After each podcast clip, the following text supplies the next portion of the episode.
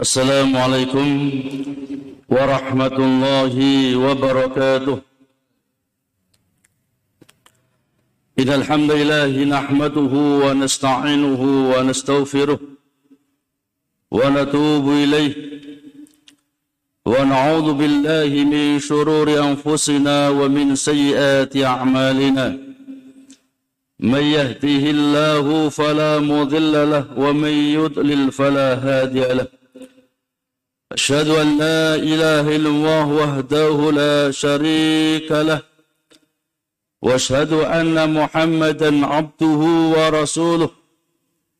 اللهم صل وسلم وبارك على نبينا محمد وعلى آله وصحبه أجمعين وبعد. Jamaah subuh yang semoga dirahmati oleh Allah Subhanahu wa taala alhamdulillah.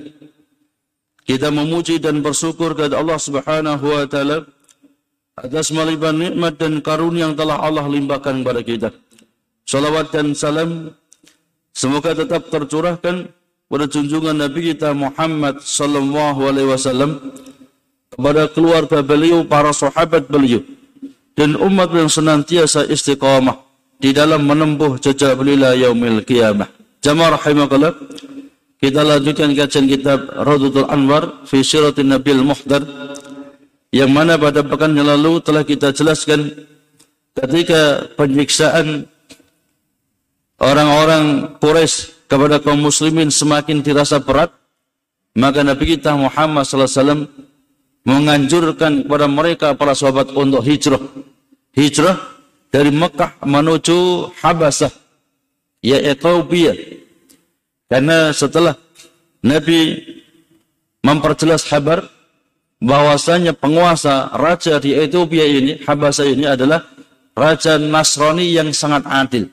Tidak ada satupun orang yang terdolimi di sisi raja Najasi ini. Maka ketika bulan Rajab tahun 5 kenabian ada 16 di antaranya 12 sahabat, 4 ya sahabiah jadi 12 laki-laki 4 perempuan. Hijrah dari Mekah menuju Habasah yang dipimpin oleh yakni Utsman ibn Affan. Dan bersama Utsman bin Affan istri beliau adalah Ruqayyah bintu Rasulullah sallallahu alaihi wasallam. Maka ketika mereka hijrah dan diterima baik di negeri Habasah selang dua bulan. Ketika tepatnya bulan Ramadan tahun lima kenabian Nabi kita Muhammad SAW ketika beliau mendapatkan wahyu surat An-Najm.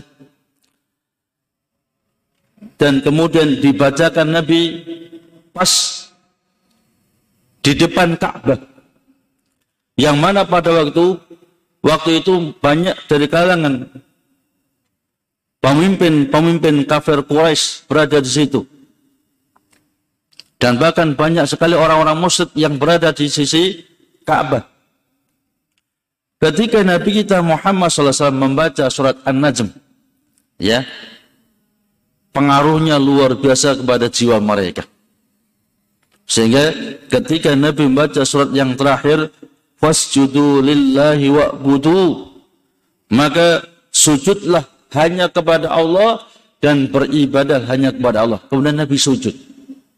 Ya ini termasuk ayat sajadah jadi ketika kita membaca ayat ini fasjudu lillahi wa'budu maka kita disunahkan untuk sujud. Ya. Yang disebut dengan sujud tilawah.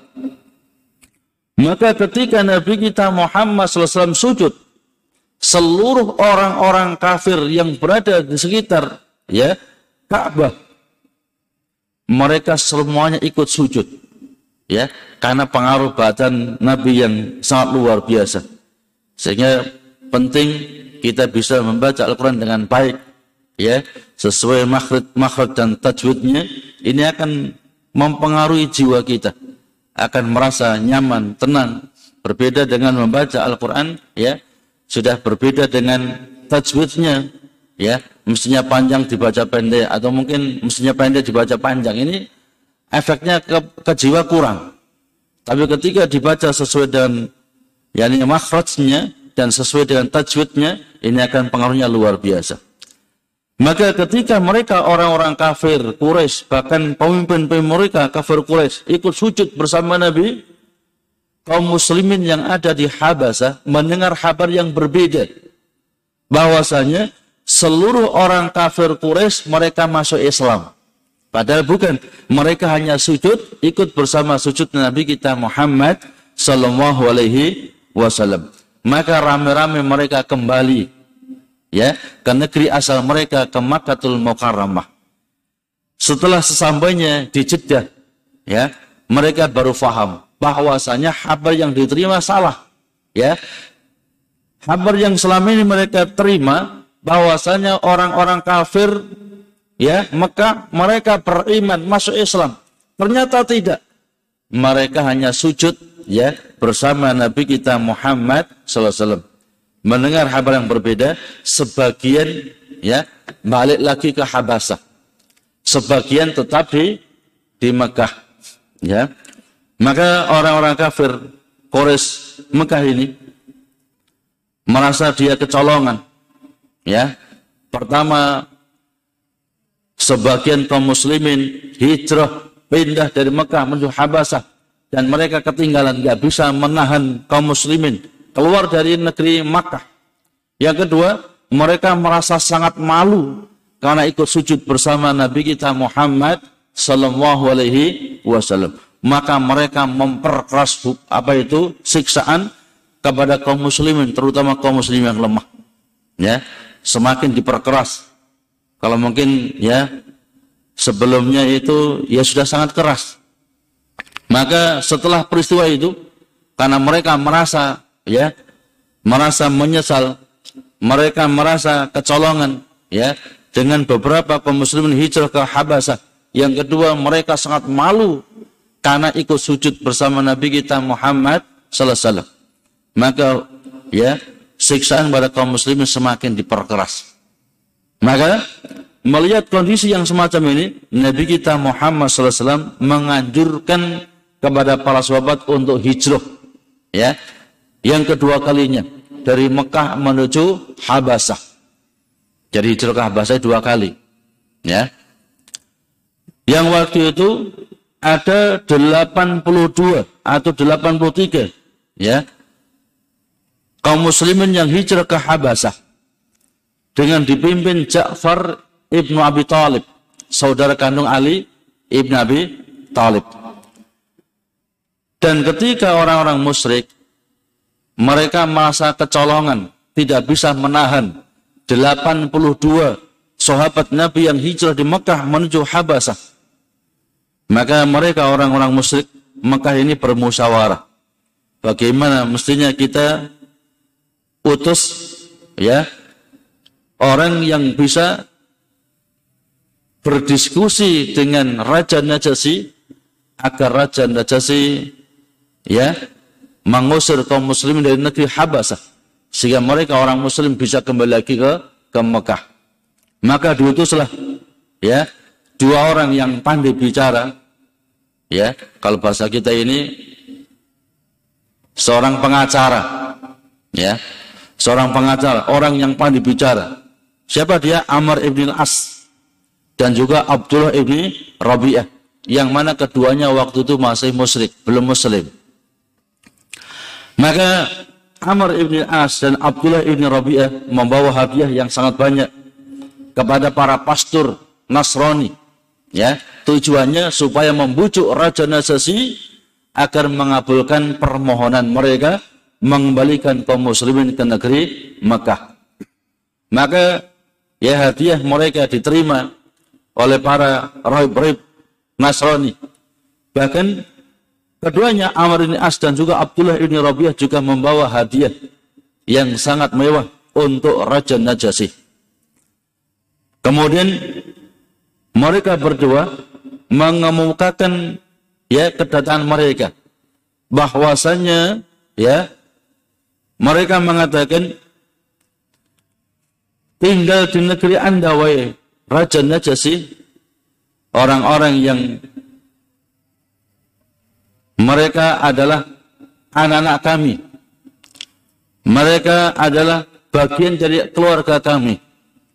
Mereka adalah orang-orang yang mengikuti agama selain agama kami dan juga bukan agama Anda.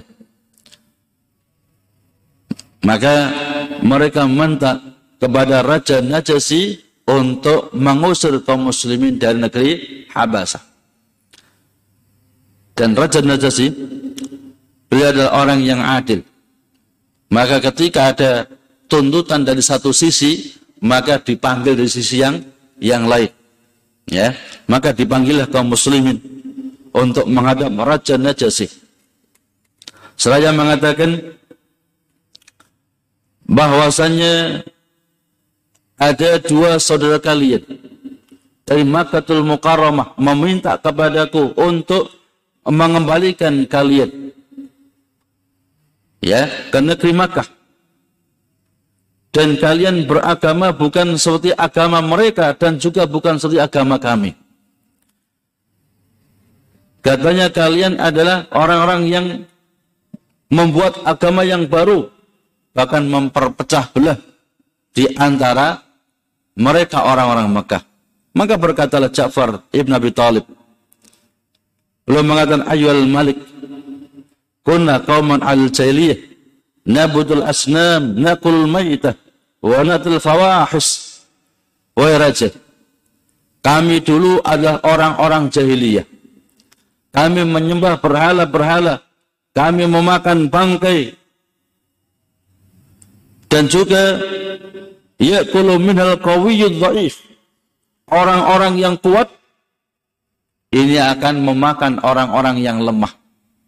Jadi orang-orang yang lemah di antara kami hanya disuruh-suruh, hasilnya diambil yang yang kuat. Ya. Kemudian hatta ba'asallahu ilaina rasulan minna. Sampai Allah utus seorang rasul kepada kami. Na'rifu nasabahu. Kami kenal nasabnya nasabnya baik. Ya. Dari Muhammad ibn Abdullah ibn Abdul Muttalib terus sampai Nabi Ibrahim alaihissalatu wassalam. Dan kami juga kenal kejujurannya. Dia nggak mungkin bohong. Dan kami kenal dia ini seorang yang amanah. nggak mungkin hianat. Dan kami kenal akan kesucian jiwanya. Menjaga diri. Pada ana ilallahi lin wahidahu wa na'buduhu dan dia menyeru kami ke jalan Allah agar kami menyembah hanya kepada Allah beribadah hanya kepada Allah dan juga membebaskan diri kami dari penyembahan kepada berhala-berhala yang selama ini kami sembah. Wa amran bisidqil hadis dan memerintahkan kepada kami untuk jujur dalam bicara. Wa'ada'il amanah dan sekaligus melaksanakan amanah. Wasilatul rahim sekaligus menyambung tali silaturahim. Ketika kami mengimaninya mengikuti agamanya salat berpuasa dan ibadah-ibadah yang lain kami disakiti kami didolimi kami disiksa sampai kami harus pindah dari negeri Mekah menuju negara, negeri Anda ini. Ya. Kemudian Raja Najasi mengatakan falamma sami'an Najasi hada. Setelah Raja Najasi mendengar pengakuan daripada Ja'far Ibn Abi Talib. Talaba min Ja'far kirata Ibn al-Quran. Maka Raja Najasi meminta sebagian dari Al-Quran untuk dibacakan kepada beliau. Maka dibacakan surat Maryam. Namanya raja ini Raja Nasrani. ya. Maka dibacakan surat Maryam. Ya. Maka ketika dibacakan surat Maryam, menangislah Raja Najasi. Sampai air matanya membasahi jenggotnya. Beliau mengatakan, in hadha walladhi jaa bi Isa la yakhruja min miskatin wahidah ini Al-Quran datang sebagaimana datangnya Nabi Isa alaihissalatu wassalam. Dan tidak mungkin keluar kecuali dari satu jalan, yakni Allah subhanahu wa ta'ala. Ya, maka berkatalah Raja Najasyi kepada dua utusan kafir Quraisy ini. Intalaqa fala wallahi. Ya, pergilah kalian berdua. Demi Allah, saya tidak akan serahkan kaum muslimin ilaikuma kepada kalian berdua. Dan tidak ada yang menyakiti, tidak ada yang mendolimi kepada orang-orang muslim ini kecuali akan aku ya berikan hukuman. Tidak ada yang mendolimi, menyakiti kaum muslimin kecuali akan aku berikan hukuman. Ya. Kemudian Raja Nasasi meminta kepada Ja'far untuk dijelaskan tentang masalah Isa ibni Maryam. Ya. Siapa itu Isa ibni Maryam? Untuk apa itu? memberikan imtihanan ya ujian maka berkatalah Ja'far ya walaupun beliau takut-takut tapi tetap dikatakan sebagaimana yang dikabarkan ya oleh Nabi kita Muhammad sallallahu alaihi wasallam huwa Abdullah wa rasuluhu wa ruhu wa kalimatuhu al-qaila Maryam al-adra'itul butul Isa ibni Maryam adalah hamba Allah dan utusan Allah. Ruh. Ya. Ruh yang Allah berikan. Yang ditiupkan ke dalam rahim Maryam. Wanita perawan yang suci. Mendengar jawaban daripada Ja'far ini. Maka Raja Najasyi mengambil ranting yang ada di tanah. Kemudian beliau mengatakan wallahi ma ada. Ay ma jawaza. Isa ibn Maryam. Ma qultu hadzal out ya. Maka Raja Najasyi mengambil ranting yang ada di bawah. Seraya mengatakan tidaklah apa yang kau katakan melewati ya melewati dan menyisi apa yang disampaikan oleh Isa ibni Maryam. Bahwasanya Isa itu adalah hamba Allah, utusan Allah, ruh yang Allah tiupkan ke dalam rahim Maryam, seorang wanita perawan yang suci. Maka melihat perkataan Raja Najasyi ini, para rahib, para pastor yang sudah disogok duluan itu, ya, dia mendehem-dehem, ya, maka kata Raja Nasasi, walaupun kalian mendam-dam, tetap saya katakan bahwasanya orang muslim ini dia orang-orang yang beriman dan ucapan mereka sesuai dengan apa yang dihabarkan Isa ibni Maryam. Maka Raja Najasi beliau bersahadat Ashhadu an la ilaha illallah wa anna Muhammadar Rasulullah. Hanya saja karena Raja Najasyi tidak pernah bertemu dengan Nabi, dia tidak dia disebut sebagai seorang sahabat. Ya, karena definisi sahabat itu man lakian Nabi Allah sallallahu alaihi wasallam yu'minu bihi wa mata alal iman. Orang yang bertemu dengan Nabi walau saatan, walaupun sebentar. Ya, ketemu Nabi walaupun sebentar, walaupun dari jarak jauh. Beriman kepadanya dan meninggal dalam keimanan itu sahabat. Adapun Raja Najasyi, dia bersyahadat Asyhadu an la ilaha illallah wa asyhadu anna Muhammad Rasulullah. Cuman beliau tidak pernah ketemu Nabi. Maka dia sebagai seorang muslim tapi bukan seorang sahabat. Makanya ketika wafatnya Raja Najasyi, Nabi perintahkan para sahabat untuk keluar ke lapangan untuk mensolatkan jenazahnya. Mengapa? Raja Najasyi seorang yang muslim dan beliau tinggal ya di negara Habasah yang seluruhnya beragama Nasrani. Tidak mungkin disolatkan masih gitu. Maka Nabi pun mensolatkan bersama para para sahabat. Inilah Raja Najasyi. Maka ketika usaha orang musyrik ini nggak berhasil, ya mengutus dua pengacara nggak berhasil, mereka pulang dengan tangan kosong.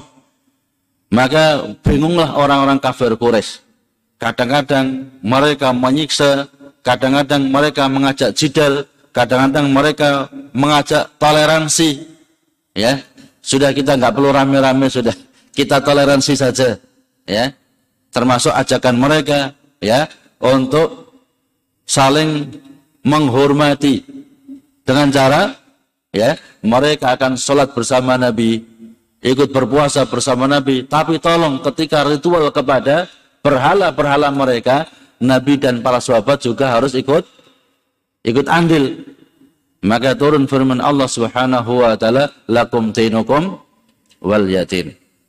Kemudian karena usaha mereka ya diajak musyawarah gagal ya disiksa seberat apa pun juga gagal kemudian diajak apa itu damai dalam artian saling menghormati dan juga dengan cara mereka orang musyrik ya beribadah seperti tuntunan Islam tapi diharapkan orang Islam juga mengikuti ajaran mereka orang-orang musyrik ini pun juga gagal ya maka berubahlah dari awalnya menyiksa kemudian berusaha untuk membunuh Nabi kita Muhammad sallallahu alaihi wasallam.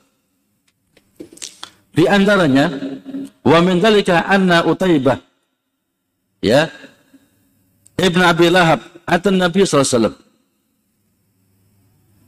Di antaranya Utaibah. Utaibah ini putra daripada Abu Lahab. Mantan menantu Nabi kita Muhammad sallallahu alaihi wasallam. Jadi Abu Lahab itu dua anak laki-lakinya, yakni Utsbah dan Utaibah, itu menikah dengan dua putri Nabi. Yani Utbah menikah dengan Ruqayyah, sedangkan Utaibah menikah dengan Ummu Kulsum. Jadi dua anak Nabi itu menikah dengan dua putra Abu Lahab. Ya. Setelah apa itu? Setelah Nabi mendakwahkan Islam secara terang-terangan, maka Abu Lahab memerintahkan putranya, yakni Utbah dan Utaibah untuk menceraikan kedua putri Nabi kita Muhammad sallallahu yakni Ruqayyah dan juga Ummu Kulsum. Yang akhirnya keduanya dinikahi oleh Utsman ibni Affan. Ya. Awal kali Utsman menikah dengan Ruqayyah. Kemudian uh, meninggal dunia, kemudian Utsman menikah ya yang kedua kalinya dengan putri Nabi yakni Ummu Kulsum. Makanya Utsman mendapatkan gelar dua ya orang yang memiliki dua dua cahaya, Dzu Nuraini, ya. Kemudian Utbah ini merobek baju Nabi, bahkan meludahi Nabi. Allah kirim angin ya ludah ini yang mestinya keterkena Nabi kemudian balik ke muka Utaibah jadi apa itu diludahi dengan sebanyak-banyaknya tapi Allah takdirkan ya Allah kirim angin. Sehingga ludah ini ya tidak sampai kepada Nabi justru balik kepada Utaibah kemudian Nabi bersabda ya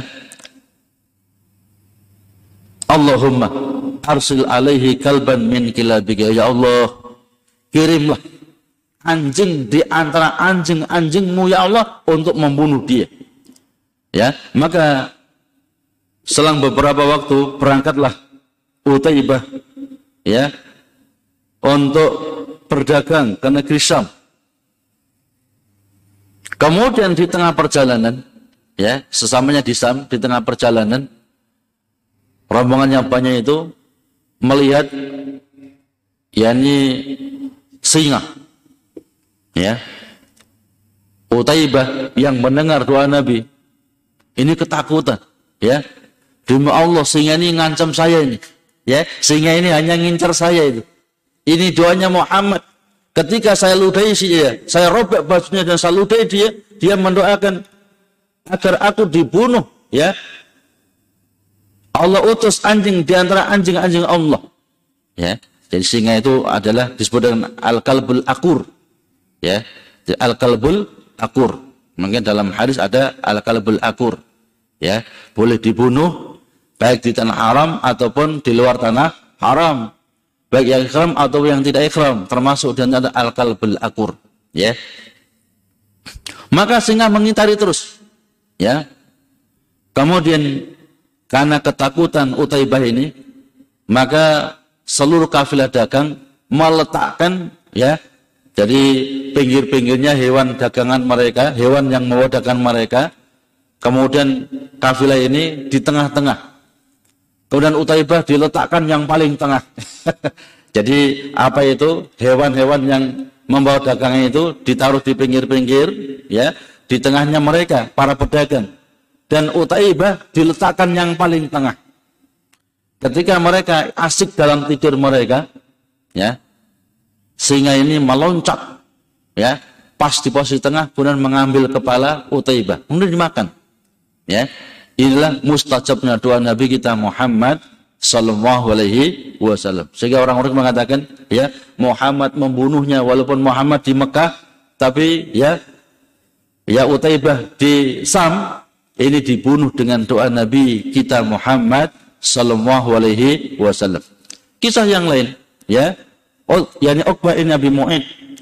Ketika Nabi kita Muhammad SAW salat dan waktu sujud, maka pundaknya diincak sampai hampir-hampir kedua bola mata Nabi itu ya keluar. Jadi hampir lepas. Ya, kedua mata ya bola mata Nabi kita Muhammad sallallahu ketika waktu sujud diincak pundaknya. Ya. Ini perubahan dari menyiksa sampai membunuh. Bahkan Abu Jahal dia bersumpah demi Allah ya Muhammad menolak untuk menerima tawaran kami. Ya. Dia tetap mencela agama kami, mencemooh nenek moyang kami, membodoh-bodohkan cendia-cendika kami. Bahkan mencela ya berhala-berhala kami. Sungguh demi Allah kata Abu Jahal. Kalau saya lihat Muhammad waktu sujud sholat, akan aku bawa batu yang paling besar, yang paling kuat aku aku bawa. Jadi misalnya kuatnya 5, 50 kilo ya di bawah yang 50 kilo maksudnya gitu.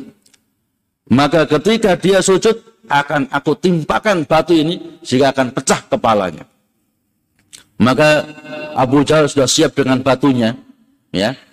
Ketika melihat Nabi sujud, maka Abu Jahal mengendap, mengendap, mendekat, semakin mendekat, bahkan sangat dekat. Kemudian ketika batu diangkat, mau ditimpakan kepala Nabi, Abu Jahal malah ya ini ketakutan, mundur. Ya, sampai apa itu dia menjatuhkan batunya, lari ke belakang, bahkan menjadi pucat pasi. Maka ditanyakan kepada Abu Jahal, ya, Malaka ya hakam, apa yang terjadi pada engkau ya Abul Hakam? Tadi engkau sudah semangat membunuh Nabi. Sesampainya hendak membunuh Nabi, Anda malah lari ke belakang. Bahkan jadi pucat pasi, bergetar, gemetaran. Apa yang terjadi? Ya. Kata Abu Jahal, aku melihat ya, aku melihat yakni kuda yang sangat besar yang hendak melalapku, memakanku. Ya. Kata Nabi itu ada Jibril. Andai saja dia melangkah satu langkah lagi, tentunya dia akan dibunuh oleh malaikat, malaikat Jibril. Ini bukti bahwasannya mereka orang-orang kafir Quraisy ya yang awalnya hanya mengganggu, menyiksa, mereka mulai berusaha untuk membunuh Nabi kita Muhammad sallallahu alaihi wasallam. Jamaah rahimakumullah. Waktu telah habis. Insya Allah untuk pekan depan kita akan jelaskan bagaimana masuk Islamnya Hamzah. Ya, bagaimana masuk Islamnya Umar ibn al-Khattab. Ya, jadi Hamzah itu masuk Islam tanpa sadar dia. Ketika dia diberitahu bahwasannya Abu Jal melempar ya kepala Nabi dengan batu sampai bocor kepala Nabi. Ya, yang waktu itu Hamzah sedang pulang dari berburu. Jadi termasuk dua orang ya Mekah yang berburu yang berbeda dengan yang lain. Ya. Jadi Hamzah dan Umar bin Khattab. Mereka kalau berburu, berburu harimau dan berburu singa. Ya, ada pun yang lain paling berburu kijang, berburu yang lain. Tapi kalau Hamzah dan juga Umar, mereka tidak berburu kecuali berburu harimau dan dan singa. Dan itu sendirian, bukan banyak orang. Menunjukkan kehebatan keduanya. Ya, kita kalau orang sepuluh singa kalah kok. Ini hanya orang satu kalah. Ya, jadi dua orang ini luar biasa. Dikenal di seluruh Jazirah Arab orang yang paling hebat. Mereka tidak berburu kecuali berburu harimau atau singa. Ada pun yang lain berburu kelinci, berburu kijang, ya, yang lainnya. Ya, ini menunjukkan kehebatan kekuatan keduanya. Jemaah rahimakallah. Demikian yang bisa kita sampaikan. Mudah-mudahan bermanfaat. Kita tutup dengan doa kafaratul majlis. Subhanallah, syahadu an la ilaha illa anta, astaghfiruka wa atubu Assalamualaikum warahmatullahi wabarakatuh.